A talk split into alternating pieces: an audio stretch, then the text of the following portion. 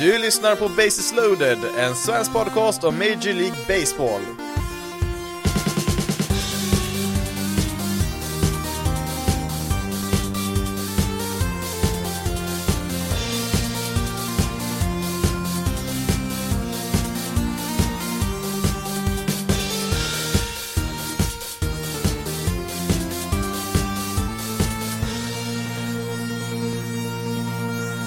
Hej och välkommen till veckans avsnitt av Basis loaded, en svensk podcast om Major League Baseball. Och eh, ja, det var ju ett tag sedan sist här i podden kan vi säga. Det är ganska många månader sedan, eh, sedan i våras det som det blev något inspelat eh, sist, men eh, Tänkte väl spontant spela in lite grann här nu när det ändå är slutspel i oktober här nu, den viktigaste månaden på hela säsongen i Major League Baseball. Eh, ska väl lägga till här att eh, nu har jag inte, eh, eftersom det är lite spontan inspelning här så har jag inte riggat upp ja, ska vi kalla det för en inspelningsstudio, är väl kanske ganska generöst att kalla det jag sitter vid här, men eh, har inte satt upp alla såna här mjuka fina kuddar här som dämpar ljudet här mot eh, de stora väggar och fönster som har runt omkring mig här, så att det kan vara lite, lite mer eko här i eh, inspelningen jämfört med vad det brukar vara, men ja, det får bli som det blir här nu i alla fall. Det, det blir i alla fall någonting inspelat, det får man väl se som positivt i alla fall.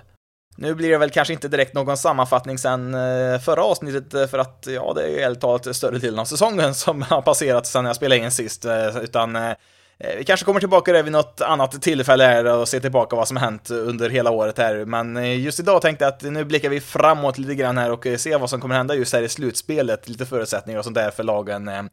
Eh, först och främst då så har vi då första wildcard-matchen. Eh, den spelas ju på tisdag, ja tekniskt sett är det väl onsdag här i Sverige då, lokal tid. Eh, när den startar då två på natten där och eh, då är det då Yankees som reser till Boston då för att ta sig an Red Sox där, de två stora rivalerna. Eh, vinnaren i den matchen då går ju sen vidare till divisionsserien där de möter Tampa Bay Rays som är första sidare i American League. Det betyder alltså att de kommer att ha en extra eh, hemmamatch tillgänglig i de här serierna då, divisionsserien och sen i Championship Series där om de skulle gå vidare dit. Eh, eh, sen så har vi då på andra sidan har vi White Sox mot Astros och där är det Astros som har hemmafördelen. De har en tredje hemmamatch då, i den här bästa av fem-serien som det är i, i divisionsserien.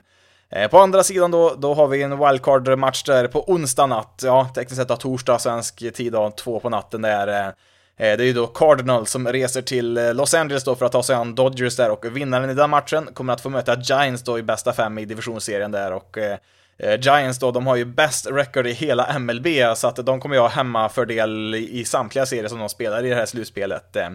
Den andra matchen som vi vet då i divisionsserien här i National League, vilka då två lag som kommer att spela mot varandra, det är då Braves mot Brewers och där är det Brewers som har hemmafördelen i det mötet.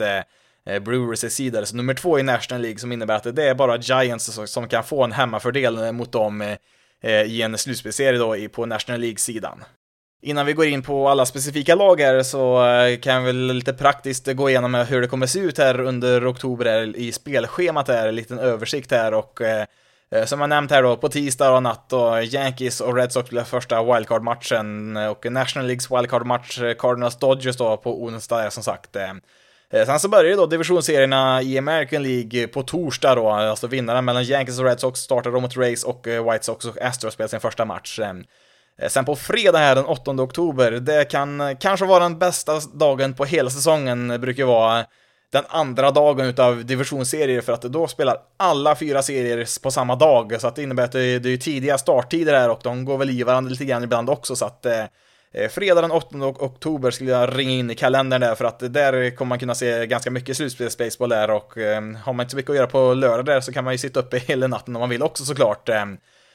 Sen har vi eventuellt, kan vi få en lika fin sån dag även på måndag den 11 oktober. Då kan det bli fyra matcher den dagen också. Det beror lite grann på hur American League-serierna går där, för att då spelas den fjärde matchen i de serierna där, så att om ingen sveper Eh, i divisionsserien där på American League-sidan där så kan det faktiskt bli fyra matcher där även på måndag där den 11 oktober, alltså om en vecka här. Eh, sen efter det så är det högst eh, två matcher per dag som gäller där och de kommer ju i regel att vara ganska sen sändningstid av. De vill ju ha bra sändningstid där i Amerika, vilket är mindre bra för oss här i Sverige såklart, men eh, eh det är ju som det är, inte så mycket man kan göra åt det, utan man får helt enkelt gilla läget där och Eh, eh den första World Series-matchen, den kommer att dra igång tisdagen den 26 oktober. Och de matcherna brukar i regel starta två på natten då, svensk tid. Eh, sen så är det ju så här att om man som jag gör då befinner sig i skolans värld och jobbar där så är det ett ganska passande höstlov som drar igång här fredagen den 29 oktober, är då sista arbetsdagen där om man om man då har ett höstlov att tillgå, det är då samma dag som match 3 spelas, så att eh, då har jag i alla fall för min egen del Eh, lite lättare att se på de matcherna som går mitt i natten. Eh, eh, om man inte har den ursäkten så kan man väl kanske om man har något barn i skolålder hemma säga att man kanske vill ta ledigt från jobbet där höstlovet är och umgås lite grann med barnen när de är hemma och så. Kanske passa på att kolla på en annan baseballmatch också. Det, ja, det finns en del kreativa lösningar på det också såklart.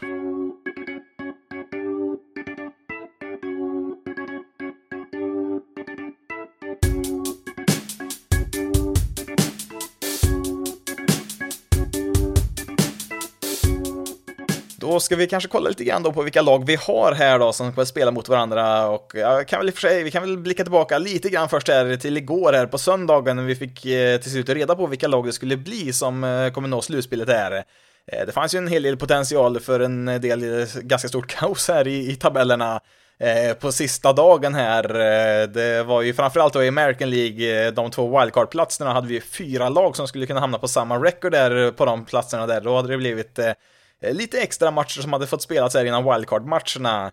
Eh, hade ju, ja, det var inte bara en 163 match man hade kunnat få spela, det hade ju faktiskt kunnat blivit en 164 också, det har faktiskt aldrig hänt. Eh, match 163 det har hänt några gånger, men 164 det, det tror jag faktiskt aldrig har hänt någon gång någonsin i MLB. Det hade faktiskt kunnat bli så eh, om resultaten hade gått rätt väg då, nu blev det tyvärr, eller ja, tyvärr och tyvärr, men som neutral åskådare så hade det varit lite kul om det blivit Eh, Eh, lite struligt här de sista dagarna här. Eh. Och som sagt då, det var ju inte långt borta att det blev lite extra match för att, ja, framförallt Red Sox la ju ganska illa ute där. De la ju under med 5-1 här mot Nationals ganska sent i matchen där innan de vände och vann. Även Yankees hade ju 0-0, ja, i princip hela matchen här innan de avgjorde precis i slutet.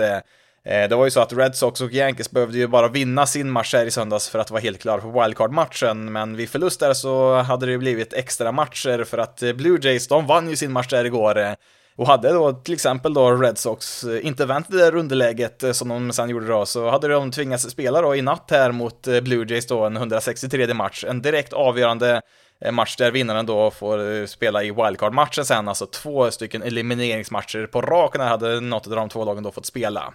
Inte heller i National League blev det någon liten rolig extra match som det faktiskt kunde bli här under sista dagen. Eh, hade Dodgers då vunnit sin match samtidigt som Giants förlorade så hade de eh, tvingats spela en 163 match om vilket lag som skulle eh, vinna National League West och vilket lag då som skulle få spela wildcard-matchen. Nu såg ju Giants till att helt enkelt krossa Padres en sista gång här på säsongen så att det, det blev inget med det utan Giants, de ja, på något sätt, jag vet inte riktigt hur fortfarande, så har ju de seglat upp och eh, har bäst record i hela MLB som eh, Ja, jag tror inte det finns en enda människa i hela världen som hade trott det på förhand, inte ens eh, Farhan Said, deras general manager, eller han är väl president of baseball operations, eller vad han nu är, som har byggt det här laget tror jag nog ens hade vågat drömma om ett så här bra resultat och samtidigt så att Dodgers vinner, vad är det, är det 106 matcher och vinner och Ja, jo, alltså Dodgers vinner 106 matcher, vilket är väldigt, väldigt svårt. Det händer inte speciellt ofta. Men ja, nu har de tyvärr idag för deras del Giants i samma division som vinner 107. Eh, kan vi säga så här att i National League Central så vinner Brewers med 95 eh, vinster och i, ja, i öst och Atlanta vad har de 88 vinster. Mm. Ibland så är det lite jobbigt eh, med divisionerna så här. Det är väl eh, Eh, lite liknande problem i, i American League East, där det var fyra väldigt, väldigt bra lag eh, och där eh, ja, ett av lag då, eh, Toronto Blue Jays i det här fallet då, hamnar på utsidan, alltså Blue Jays hamnar på fjärde plats i divisionen med 91 vinster. Eh, en siffra som hade varit tillräckligt för att vinna en National League East med tre matcher då, som är exempel då, men ja, det, det är så systemet ser ut helt enkelt och eh, det är det, det som gör att vi har det slutspelsträdet som vi har. Ska vi då kolla här då på först American League då eftersom att det är de som börjar spela först också och eh, wildcard-matchen här då som vi först har eh, Ja, alltså, jag kan väl säga så här att de flesta serierna, eller ja, egentligen alla serier utom just den här wildcard-matchen har väl ganska Eh, känner mig ganska trygg i vad jag tycker och tror om vad som kommer att hända, men eh, just den här wildcard-matchen känns ju väldigt, väldigt svår att... Eh, ja, alltså de har ju samma record och alltså inbördes möten har ju Reds också tekniskt sett vunnit eftersom att de har hemmaplanen här och det är väl en liten fördel till dem där men eh, jag tror det på hela säsongen så har ju Reds också är tio 10 vinster mot Yankees och Yankees har själv vunnit 9 så att det är inte någon enorm skillnad på något sätt.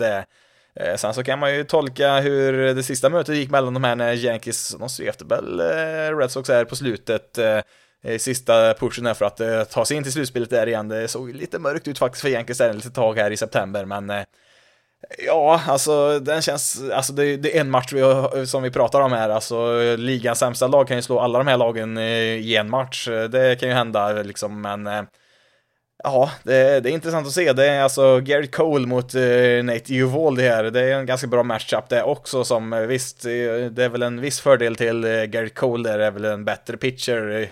Ska, ska, han ju vara i alla fall. Sen har ju inte han varit klockren genom hela säsongen här och hade väl en inte så jättebra sista start här. Ehm, så vi får väl se lite grann vart vi landar här. Det är ju ehm, Eh, ja, så det är eh, lite oväntat så är det Yankees pitching som har bärt laget, eller ja, bärt och bärt, ja, ja, det har de väl på ett sätt gjort för att deras offensiv har ju inte alls varit bra. Det trodde man väl innan säsongen att ja, det är lite suspekt där med deras pitching, men eh, offensivt där ska det inte vara något problem, men det har det ju faktiskt varit. Det är väl i princip bara Judge och Stanton som har slagit på en riktigt bra nivå. Resten, ja, det ser väl inte lika vackert ut där. Eh, LeMayu bland annat eh, har ju rasat eh, fullständigt här, såg ut som en, helt plötsligt som en genomsnittlig slagman här. Det hade man ju väntat sig mer från honom till exempel där och jag tror väl egentligen att Red Sox pitching, som inte är lika bra, men i en match så tycker jag nog att de borde kunna matcha Yankees pitching hyfsat i alla fall, samtidigt som att de har en betydligt bättre lineup offensivt här. Eh, så att jag ger väl Red Sox en eh, liten, liten fördel här. Jag ger väl dem 55% chans då mot eh, 45% åt Yankees eller något sånt där. Mer än så Eh, vågar jag nog inte påstå att jag kan tycka att något lag har någon fördel här och eh, Red Sox har ju som sagt även hemmaplan och det, eh, det borde väl eh, hjälpa någonting i alla fall så att om jag var tvingad att eh, välja ett lag så skulle jag nog välja Red Sox här, eh, men återigen, en match, precis vad som helst kan hända. Det kan ju hända att någon starting pitcher rasar upp totalt där och så står det 7-0 efter två innings eller något sånt där, så att Eh, eh det, kan gå snabbt här åt vilket håll som helst, men ja, måste jag, måste jag göra ett val där så ja, jag tar nog Red Sox faktiskt där med minsta möjliga marginal. Oavsett då vem som vinner den där matchen så får ju de stöta på Tampa Bay Rays i en divisionsserie då i bäst av fem. Eh, det är ju klart att eh, Race eh, får väl se som favoriter där oavsett vem de får möta. Det är väl inte så kontroversiellt att, att tro på laget med best record i hela American League.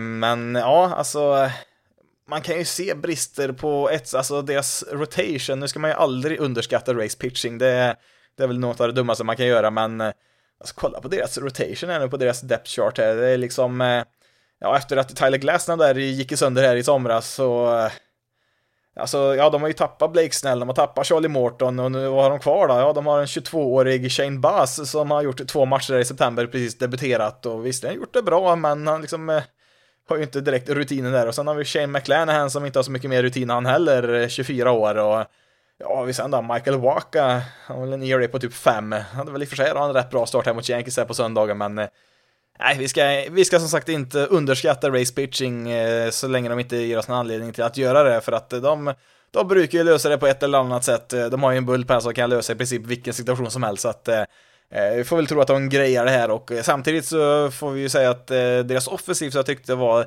lite för svag förra året. Det kanske var lite grann det som saknades för att de skulle kunna gå hela vägen där mot Dodgers där i förra årets World Series, men de har ju ändå tagit ett rejält kliv framåt offensivt i år, även om det visar sig att Arose Arena kanske inte riktigt var lika bra som Barry Bonds där som han var under en månad eller två där förra året. Man har fortfarande varit väldigt, väldigt bra.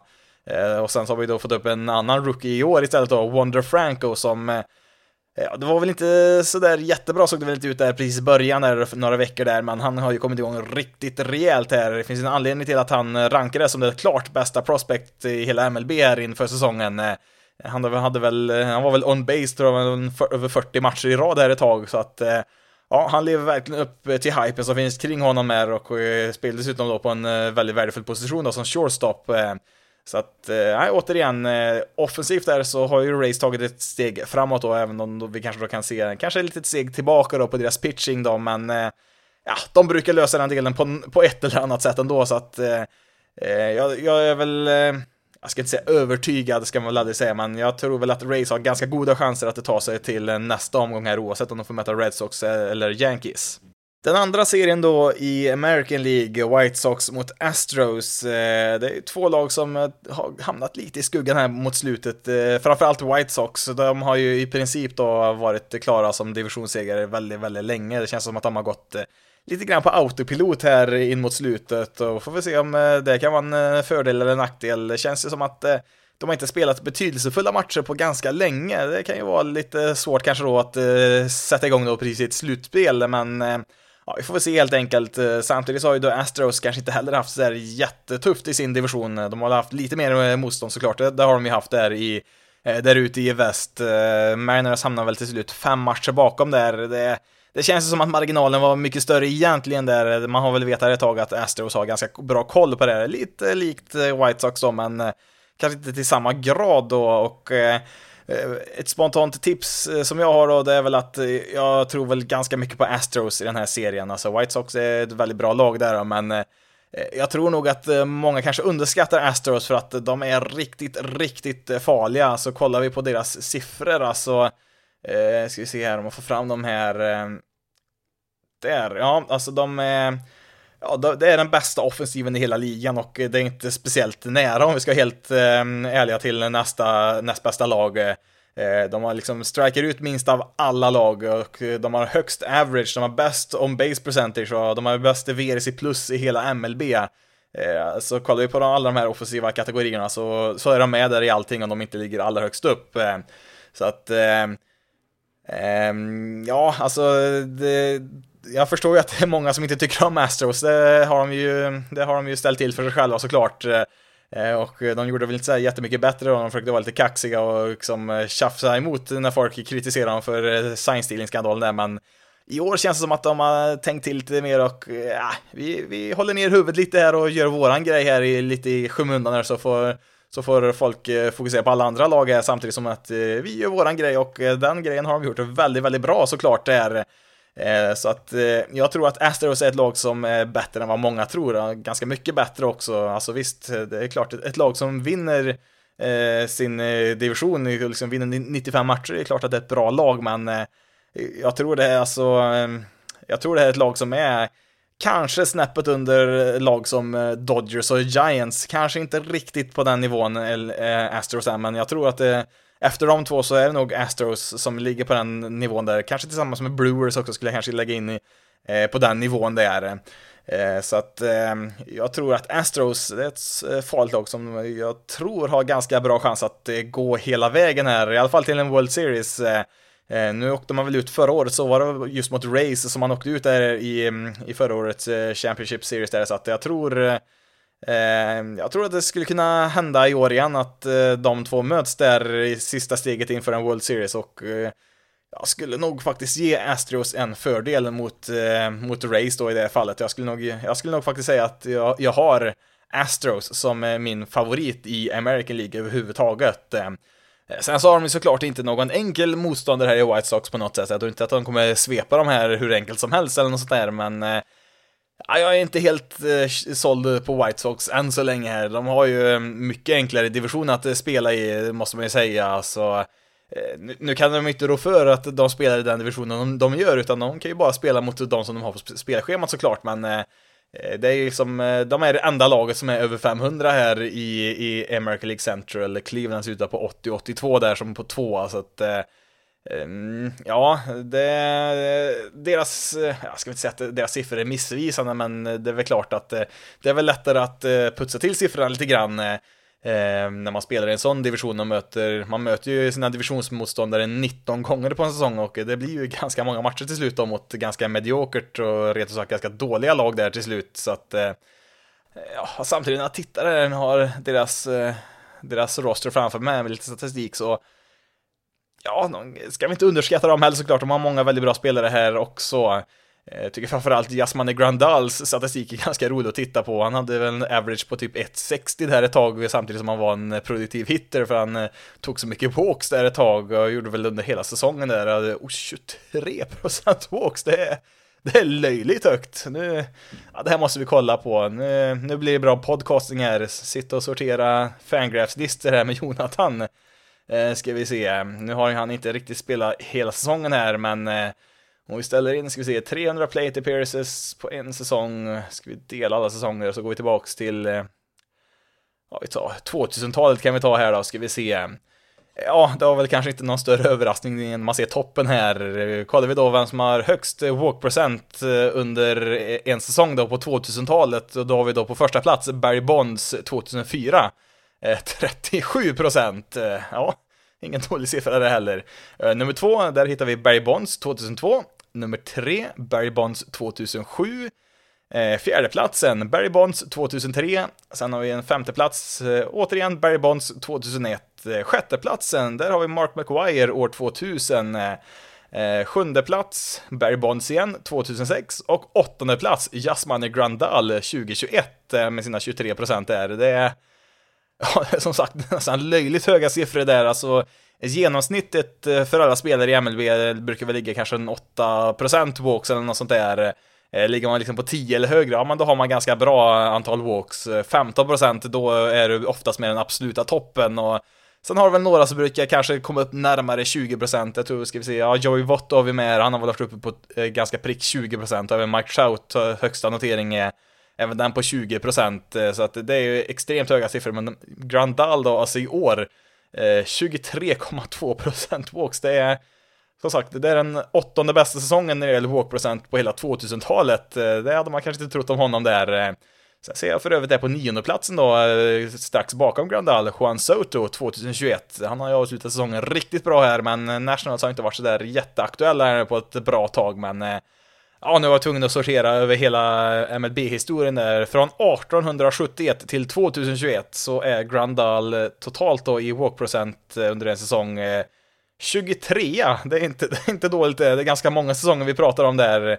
Eh, samma notering som Ted Williams hade med Red Sox 1946, så att eh, Ja det, ja, det är något speciellt han har uppnått här, Grandal. Sen har han ju bara som sagt 375 plate appearances. En hel säsong är väl ja, 600-700 någonstans där, så att eh, han har inte spelat riktigt lika mycket som eh, många andra spelare gjort här, men eh, ja, mycket imponerande ändå såklart. Eh, men eh, ja, nog om Grandals eh, eh, bravader här i grundspelet. Det är slutspelet som gäller här nu och eh, Ja, men jag blir ändå lite mer såld ju mer jag tittar på laget här när jag har dem framför mig här. Ja, inte bara tack vare Grandal då, som sagt, men eh, eh, även deras rotation har ju liksom eh, fyra stycken starter som har en ERA under fyra ändå här och sen har de ju Dallas Keuchel också där som inte har varit speciellt bra i år, man har ju rutinen, eh, framförallt slutspelsrutinen har ju han där så att eh, det kan vara värdefullt eh, på ett sätt också. Här, och, ja, nej, men det är lite farligt när man sitter där och redan bestämt sig egentligen och sen så sitter man och eh, tittar på saker där samtidigt som man spelar in så kanske man ändrar sig lite grann här också, men alltså Nej, jag tror fortfarande på Astros, men eh, ja, White Sox är... Ja, det är återigen, hur, hur mycket är de här bra siffrorna baserade på deras lite sämre motstånd då i divisionen? Det kan vara värt att fundera på, men Eh, de har ju ett ganska bra allround-lag också tycker jag. Alltså deras bullpen eh, ska man inte leka med heller. Den har varit riktigt bra på sina håll här.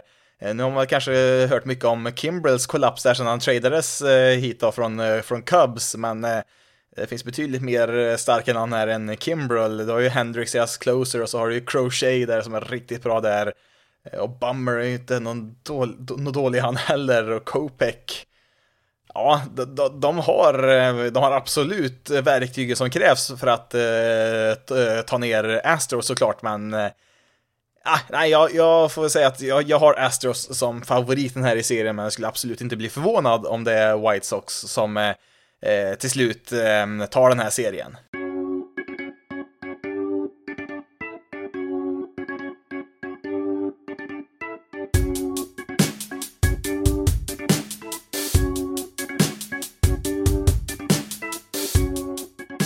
Då rullar klockan på här så ska vi få sätta lite fart här nu sen när vi kommer in på National League och deras fem lag här och eh, första mötet då på onsdag blir det då på natten är eh, eh, Cardinals då åker till Los Angeles och eh, Eh, likt wildcard-matchen mellan Yankees och Red Sox så kan ju precis vad som helst hända i en enda match, men eh, här måste ju ändå Dodgers vara stora, stora favoriter. Eh, eh har ju en riktigt skön eh, pitching matchup här, två riktiga veteraner, Scherzer mot eh, Wainwright. Eh, eh, Där är det väl ehm, ändå fördel Dodgers då med Scherzer.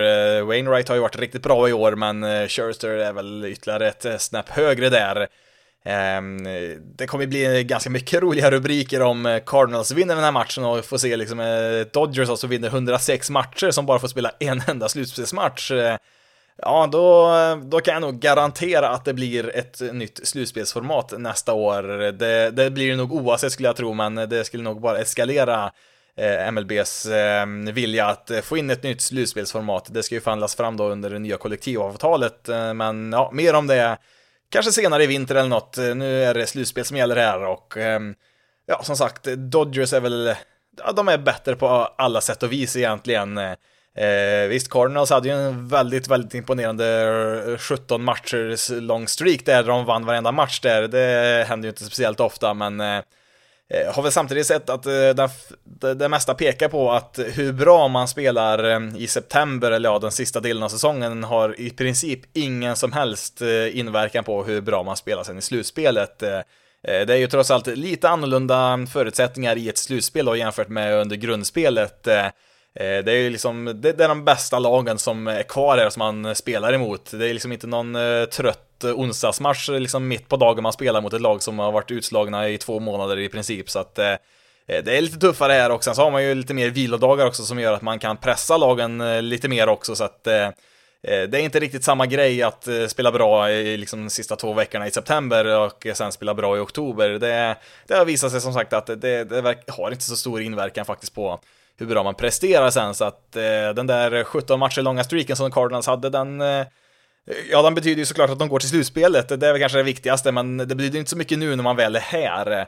Och eh, ja, nej, som sagt, jag har svårt att se att, eh, eller ja, jag skulle inte bli chockad om Cardinals vinner, men Dodgers är såklart det mycket, mycket bättre laget. Sen får vi se hur det går fortsättningsvis då, om, om Dodgers skulle gå vidare här. Kershaw gick ju ut tidigt här i sin sista start och eh, Eh, Mansi ser ut att, eh, ja, jag vet inte, han och, blev också skadad här i sista matchen där, är det någonting i armbågen. Eh, eh, får vi se hur länge han blir borta. Han kommer inte vara med i den här matchen och eh, lät väl inte som att eh, det var aktuellt med spel heller i en divisionsserie, så att Lite skadeskjutna är man väl i, i Dodgers då, men de har ju samtidigt en fantastisk bredd där som gör att de Ja, de, de borde, borde klara av ett slutspel ganska bra om de går vidare här från wildcard-matchen.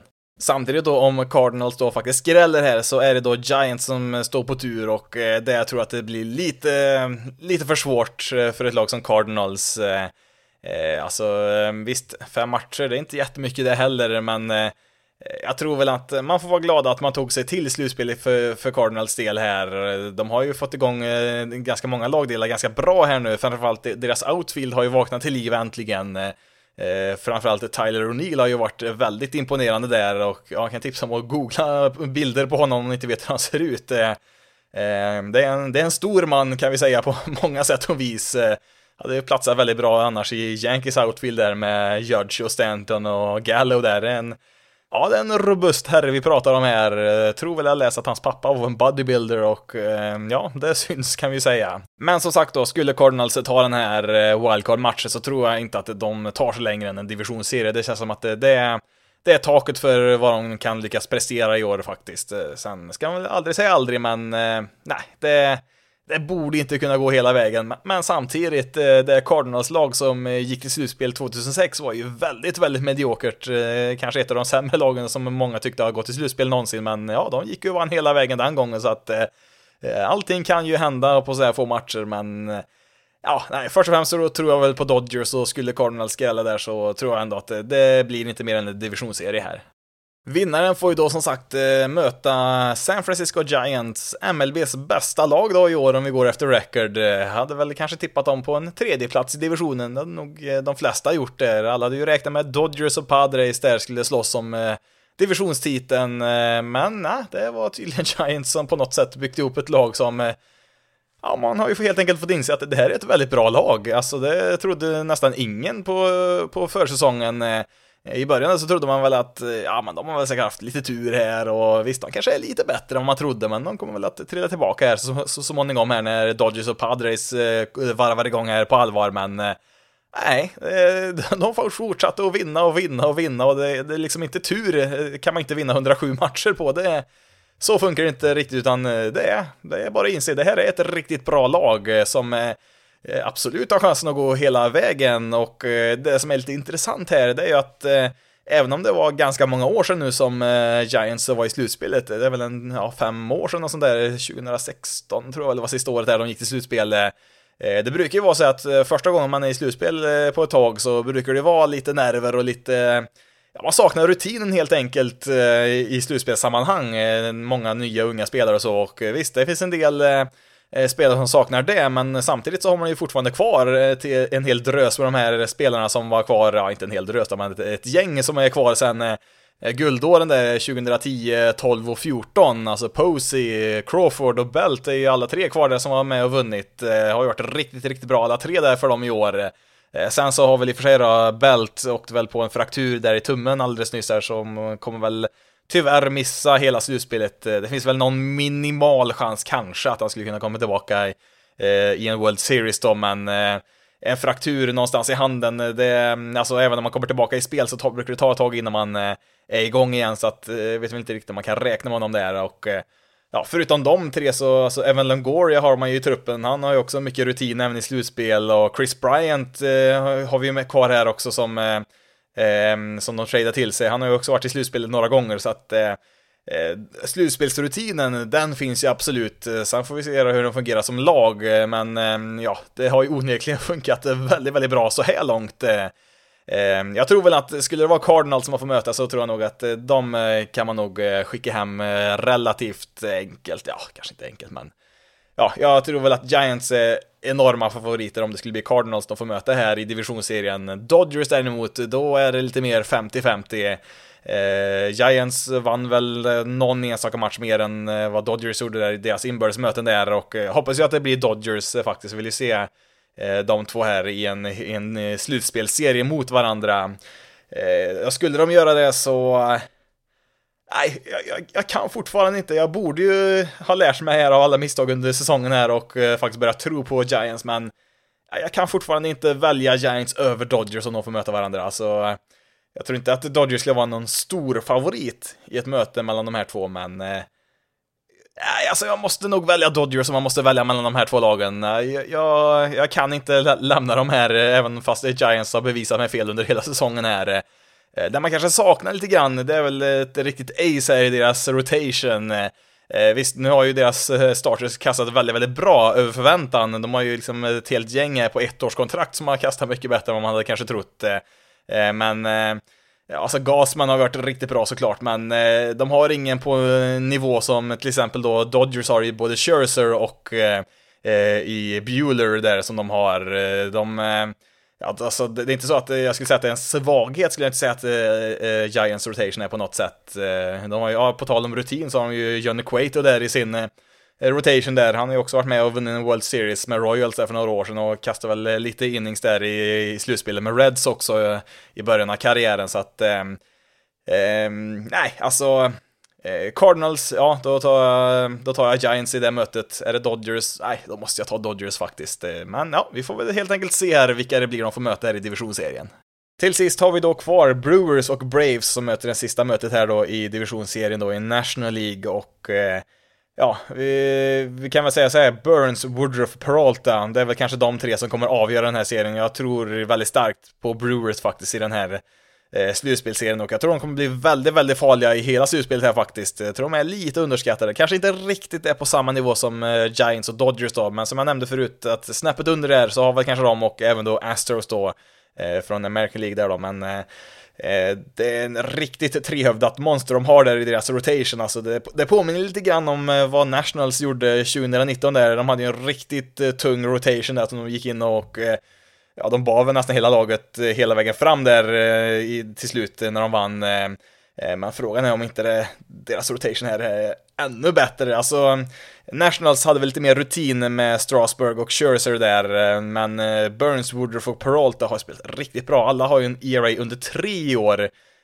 Burns är på 2,4, Woodruff 2,5 och Peralta 2,8 och då har de ändå startat mellan 27 och 30 matcher där så att det har varit kanonsäsonger för alla tre här, alltså alla tre skulle kunna vara första starter i många slutspelslag eh, faktiskt, och eh, det, det räcker inte där, utan de har ju även eh, en fjärde och femte starter som är riktigt bra i Lauer och Hauser. Ehm, nu ska vi se, Lauer har ju en ERA strax över 3, 3,04. Hauser har väl, ja 3,3 ligger han på, men han har kastat lite fler innings också, så att eh, eh där har man ju ett eh, ganska trevligt val ändå att eh, kunna välja vem man vill ha där som fjärde starter. Alltså man brukar ju ha fyra starting pitchers i, i slutspelet och så skickar man ner sin femte då till deras bullpen och skillnaden här mellan Nationals för ett par år sedan och Brewers i år, det är att Nationals hade ju ingen bullpen alls, ja, de hade väl typ två stycken de litar på där som kastar typ alla innings åt dem där. Men i Brewers, där har man ju samtidigt en väldigt, väldigt bra Eh, bullpen. Den blev ju lite svagare än Devin Williams tyvärr då. Han lyckades på något sätt, eh, ja, han var väl ute och firade att de hade säkrat divisionstiteln och så slog han ju handen i någon vägg. Och så var det en fraktur i den handen och mm, ja, det säger sig självt. Det, det, är ganska svårt att kasta en boll eh, på den här nivån med en fraktur i handen, så att han är borta hela slutspelet. Eh, så det är ju såklart ett avbräck, alltså det hade ju varit riktigt tufft där om man har deras starter som någon av dem hade gått sju innings och sen eh, skicka in Devin Williams i åttonde och sen Hader i nionde, då, då blir det nog inte många runs för motståndarna, men eh, ja, de har ju samtidigt många bra armar till här bakom Strickland, Suter och Boxberger har väl varit rätt bra han också, så att det är väl inte så att de står och faller med Devin Williams skada här, men det är så onödigt, alltså Eh, det här är ett lag som ska ha World Series-aspirationer i år, alltså det... Alltså det här är ett riktigt, riktigt bra lag, framförallt på pitching-sidan då, för att eh, om vi då återigen jämför med Nationals då för två år sedan så hade väl Nationals betydligt bättre offensiv då med Rendon och Soto bland annat där och Adam Eaton var ju riktigt het där i slutspelet. Eh, det har vi ju inte riktigt här i Milwaukee då, som har haft det ganska tufft offensivt. De har ju levt väldigt mycket på att Eh, Eh, deras pitching totalt stängt ner motståndarna. De har väl främst eh, fått eh, offensiv produktion från Willie Adame som han tradade till sig eh, från Rays här tidigare under säsongen, men han var ju skadad här precis på slutet, har väl kommit tillbaka i spel nu, men får vi se i vilken form han är i där och sen har du väl även Avacel Garcia har väl spelat bra där och Eduardo Escobar en, annat, eh, en annan trade de gjorde där, men alltså det, det, det, det är en del spelare som är hyggliga liksom, men i ett slutspel så behövs det nog lite mer där. Jelic har ju inte kommit tillbaka än. Han eh, har en VRC plus på 101, alltså han har producerat eh, som en genomsnittlig spelare i MLB. Det hade man väl kanske inte riktigt förväntat sig från honom där, men eh, det är väl lite grann den knäskadan han fick för två år sedan där. Han slog en boll rätt på knäskålen så han spräckte den som jag vet inte riktigt, det, det, ser ut som att han saknar en hel del styrka i svingen verkar det som. Han har ingen slugging alls. Han har slagit nio homeruns har han gjort i år. Det är ju brutalt lite för en spelare som honom, men Hans on-base percentage ligger på 3,62 så att eh, han, eh, han har ju fortfarande kvar en del utav eh, det här som gjorde att han var en MVP för några år sedan. Skulle väl passa bra om han kom tillbaka här i form då just i slutspelet här och det är väl nog det som kommer krävas här från deras lineup alltså. Deras pitching, inga problem, inte orolig alls, den är tillräckligt bra för att kunna gå hela vägen, men på den offensiva sidan då tror jag för att det här lilla sista som man behöver för att kunna ta sig an de här allra bästa lagen Ja, då måste man ha någon som eh, lite oväntad kanske eh, spelare som sticker fram här och har en, eh, några riktigt bra veckor här i oktober. Alltså, jag nämnde ju då Adam Eaton, eh, var väl inte jättebra den säsongen. Grundspelet är 2019 för Nationals, men i slutspelet var han ju riktigt bra där och hade ju även Howie Kendrick där, hade några riktigt viktiga hits där för dem där när de gick och vann. Och det är väl det, är väl det man behöver här nu från från Brewers lineup, att de har en, ja kanske gärna två spelare som ja, helt enkelt överpresterar, skulle man kunna säga. Alltså, även ligans sämsta spelare kan ju vara riktigt bra i ett par veckor eller så, så att eh, eh skulle man eh, få fram någon sån spelare på den offensiva sidan, ja men då ser det helt plötsligt eh, ganska bra ut för Brewers, eller ja, jag tycker det ser ganska bra ut som det ser ut just nu också, men eh, ja, det är det lilla, lilla extra det som krävs, tror jag, för att de ska kunna ta det absolut sista steget för att eh, kunna gå hela vägen och vinna en World Series-ring. Det här ska man ju då göra mot Braves som eh, absolut inte är att leka med dem heller. Eh, Jag har ju ändå varit ganska imponerad eh, att de har hämtat upp det underläge de hade, framförallt efter att Acuna blev borta för resten av säsongen. Det kändes som att när han blev skadad där och de la lite efter det så kändes det att ja, tack och adjö för den här säsongen så syns vi nästa år. Eh, men eh, man har jobbat sig in i det här igen och eh, vinner ju divisionen, mycket tack vare en del trader de gjorde här vid deadlinen. De byggde ju ett helt nytt outfield där, gjorde de, som har har spelat riktigt, riktigt bra. Ännu lite mer imponerande är ju att de de värvade in här i deras outfield var ju inte speciellt bra fram tills de blev tradade. Eller ja, Adam Duvall var väl ungefär på samma nivå. Och ja, Duvall gör ju vad Duvall gör. Slow home runs, inget average att skryta med, väldigt låg on base percentage, men slå bollen över, eh, över stängslet, det, det är det eh, få som är bättre på än Adam Duvall. Han har ju slagit 16 stycken här på 55 matcher, alltså det är ja, nästan 50 stycken på en hel säsong motsvarar ju det, så att eh, eh ja, eh, man vet ju vad man får när man sätter honom i ens lineup. Eh, eh, men annars då, Jorge Soler som man fick från Royals, han var ju bedrövlig där i första halvan av säsongen, men Ja, han har gjort som Duvall, slår homeruns, det är han riktigt bra på. Och sen Eddie Rosario var den tredje man fick in där eh, har ju också han varit riktigt bra här för dem. Eh, hade ju inte heller många rätt eh, eh när han spelade där i första, första halvan av säsongen då, men eh, Ja, sen de kom till Atlanta då så har de ju vänt hela deras säsong, alltså det såg ju riktigt mörkt ut och som sagt, den Acuna eh, blev skadad där och Osuna, han eh, blev ju, han är ju mm, arresterad för att ha misshandlat sin, jag vet inte om det var fru eller flickvän, men han är ju inte aktuell då såklart, så att Eh, Eh, det är, det är en, eh, en ganska bra resa man har gjort här från Braves sida, så att eh, sen kom, kompletterar man ju med eh, såklart då Freddie Freeman och Austin Riley har ju fått sitt genombrott här i år, har ju äntligen kommit igång här. Det såg ut som att han kanske skulle vara ett prospect som inte riktigt skulle leva upp till sina förväntningar, men han har ju slagit riktigt, riktigt bra i år och har tagit över deras position där på tredje bas efter att Josh Donaldson lämnade där. Så att eh, det här är inte ett lag att eh, leka med på något sätt, det är det absolut inte. Och deras pitching har ju sett bättre ut här mot slutet. De har ju en eh, trio i alla fall med Morton, Freed och Anderson som eh, känns ganska stabila här. Sen får vi se vad som man gör efter där. Unoa var ju riktigt bra i början på säsongen där, men sen blev han skadad där, är väl tillbaka nu då i och för sig då, men eh, Ehm, jag, jag, känner ändå att Brewers uh, borde vara för starka för de här, men återigen, fem matcher kan mycket hända på här och uh, jag tror absolut inte att eh, Atlanta kommer att lägga sig platt på rygg här och bara låta Brewers promenera in uh, till nästa omgång. Det tror jag absolut inte, men um, ja, sen ja, rutinen, den är väl ganska likvärdiga. Jag skulle väl ge lite en fördel till Braves. De har väl varit, eh, haft lite mer slutspelsmatcher på sistone och eh, Brewers har väl kanske i större utsträckning eh, roterat in och ut nya spelare där så att det är väl kanske någonting man kan ge ett plus i kanten till för Braves där, men ja. Nej, jag tror som sagt på Brewers här i den här serien och jag har väl nog gissat att de ska gå ganska långt här också. Jag har väl eh, tänkt så här att eh, möter de Giants i en eh, i, i Championship Series här, då återigen, förlåt Giants, men ja, jag tror nog på Brewers faktiskt där. Är det Dodgers däremot, ehm, ja, i och för sig då, mot Dodgers så skulle Brewers faktiskt ha hemmafördel eftersom att Dodgers är ett wildcard-lag. De är sidade som nummer fyra och Brewers som nummer två.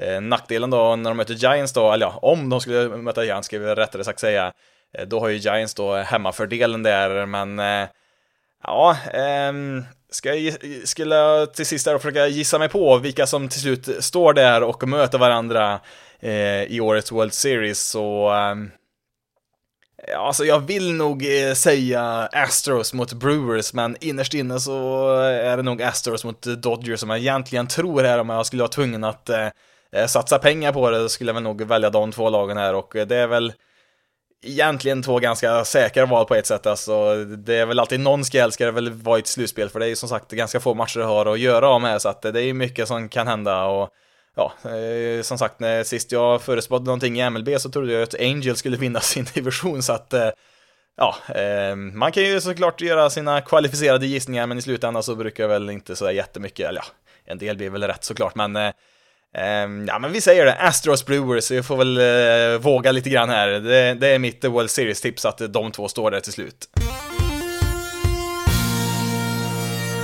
Då säger jag att vi närmar oss eh, 45 minuter där på klockan. Tänkte att det skulle bli en liten eh, snabbinspelning här, lite spontant som sagt. 20-25, kanske till och med 30 minuter, men ja, nu ser jag att det blir väl i princip ett fullskaligt avsnitt det här också till slut. Eh, men ja, det ska väl inte gnälla på det, utan jag hade väl helt enkelt mycket att eh, prata av mig om här eftersom jag inte spelat in sen, vad ska vi se, när var det sista avsnittet egentligen? 10 maj var senast jag spelade in någonting, så att ja, jag har väl sparat på orden helt enkelt, så att det var väl kanske lika bra att få ut dem här nu, men Ja, det får nog helt enkelt räcka för den här gången och eh, ska jag väl, eh, jag ska väl inte lova att det kommer ett eh, prick nästa vecka, men jag ska väl ha som det som ambition att det ska komma ett nästa vecka och jag vet inte om det blir så mycket slutspelsnack, kanske bara lite snabbt så eftersom att nästa måndag då är väl de flesta serierna, ja de borde vara igång fortfarande. Ja, tekniskt sett om eh, något av American League-lagen sveper så är väl de klara redan på söndag där, men ja, vi får se där. Jag tänkte nämligen kanske om jag har tid som sagt och Eh, göra någon liten tillbakablick och kanske prata lite grann om de här lagen, de 20 lagen då, än så länge som har åkt ut. Eh, prata lite grann om deras säsong, eller ja, bara något snabbt, typ, ja, säga någonting bra som hände för laget, någonting som var mindre bra, kanske någonting att eh, kolla på inför framtiden här, inför nästa säsong och så, men ja, det är väl en liten lös plan som finns i alla fall där, men ja, för detta avsnitt nummer 74 så tror jag vi nöjer oss här. Du kan följa Basis Loaded på Twitter, Facebook och Instagram. Då letar du upp Basisloaded SE. Du kan även mejla till Basisloaded SE, alltså Basisloaded och bokstäverna SE på slutet, alltihop sammansatt och sen snabel gmail.com. Men nu har jag pratat tillräckligt för idag. Mitt namn är Jonathan Fabri. Tack så jättemycket för att du har valt att lyssna på detta avsnitt av Basis Loaded. Ni får ha det så bra där ute, så hörs vi, ja, kanske nästa vecka.